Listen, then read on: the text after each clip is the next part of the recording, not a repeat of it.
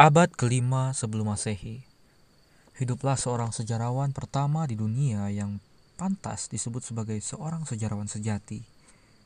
Namanya ialah Herodotus. Di saat semua orang Yunani saat itu masih berpatokan dengan mitologi, dewa, makhluk-makhluk mitos, dan cerita nenek moyang, Herodotus melempati zamannya. Ia merumuskan bahwa sejarah harus dikonsep sedemikian rupa dengan struktur yang jelas dan objektif. Hingga akhirnya ia merumuskan sebuah mahakarya, yakni Historia. Historia sebagai karya satu-satunya dari bapak sejarah dunia, yakni Herodotus, mengawali disiplin ilmu sejarah sebagai sebuah episte atau ilmu pengetahuan mandiri yang berdiri di atas logika dan pemikiran terstruktur umat manusia tentang bagaimana seorang manusia mendeskripsikan sejarahnya sendiri. Dari sinilah awal pijakan bagi umat manusia untuk bagaimana memahami kejadian masa lalu secara objektif. Yuval Noah Harari dalam Sapiens mendeskripsikan sejarah sebagai hasil dari kemampuan manusia untuk mencoba mendeskripsikan dirinya sendiri. Sementara Aristoteles dalam Politisia mengatakan bahwa manusia adalah animal rationale atau hewan yang berpikir, sehingga jelas dan wajar jika manusia menggali esensi diri dirinya sendiri. Tetapi sejarah yang ditekankan oleh saya saat ini adalah sejarah yang berhubungan dengan ilmu politik. Seperti yang kita tahu, Machiavelli yang dikatakan sebagai bapak politik modern, seperti yang kita tahu walaupun banyak mendapat pertentangan, dalam Il Principe bukunya mendeskripsikan bahwa politik adalah bagaimana cara manusia untuk memperoleh kekuasaan. Sehingga jelas bahwa moral dan politik haruslah dipisahkan. Politik boleh saja meniadakan moral dalam penerapannya, atau menjadikan moral hanya sebagai gimmick dari bagaimana penguasa mengamankan kekuasaannya. Tentu saja teori ini akan ditentang jika diterapkan di zaman sekarang. Dengan segala era keterbukaan dan demokrasi, Teori Machiavelli seakan sudah tidak laku dan lengkang dimakan zaman.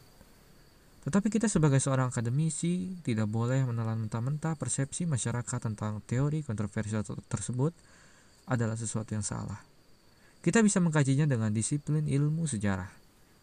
Misalnya, kita bisa tahu bahwa latar belakang Machiavelli sangatlah kompleks. Machiavelli misalnya sampai membuat teori tersebut dikarenakan ambisinya saat itu untuk menyatukan Italia – dan Italia membutuhkan sebuah pemimpin yang tegas dan kuat, sehingga lahirlah teori-teori Machiavellis atau teori-teori Machiavellisme. Kemudian saya ingin menyinggung tentang pendapat Dr. Ida Made Bagus Astawa dalam bukunya Pengantar Ilmu Sosial dalam subdisiplin ilmu sejarah.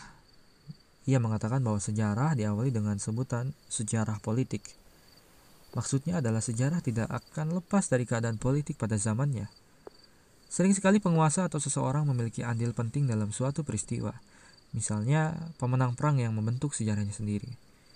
Oleh karena itu sangatlah penting sekali untuk menjadikan disiplin ilmu sejarah yang objektif dan lepas dari belenggu pengaruh-pengaruh kekuatan politik yang menjadikan sejarah sebagai sesuatu yang subjektif. Kemudian daripada itu, sejarah sebagai ilmu yang memiliki manfaat atau aksiologi bisa menjadikan kita lebih mudah untuk mengkaji berbagai permasalahan dan fenomena kehidupan sehari-hari. Misalnya dalam buku Gun, Germs, and Steel karya Jared Diamond, membahas dengan rinci ter terkait bagaimana bangsa Eropa atau bangsa Eurasia Barat dalam 500 tahun terakhir menjadi bangsa yang unggul dan membuat imperium penjajahan besar di seluruh dunia. Sejarah bisa mengupas satu demi satu fakta dunia dan manusia bukan hanya kejadian besar yang yang dilakukan oleh manusia itu sendiri, tetapi kejadian besar alamiah yang memiliki efek untuk kehidupan manusia. Saat itu maupun di masa yang akan datang yang juga masih dalam ruang lingkup pembahasan ilmu sejarah maka termasuk dalam bagian dari disiplin ilmu sejarah itu sendiri. Maka masih malas belajar ilmu sejarah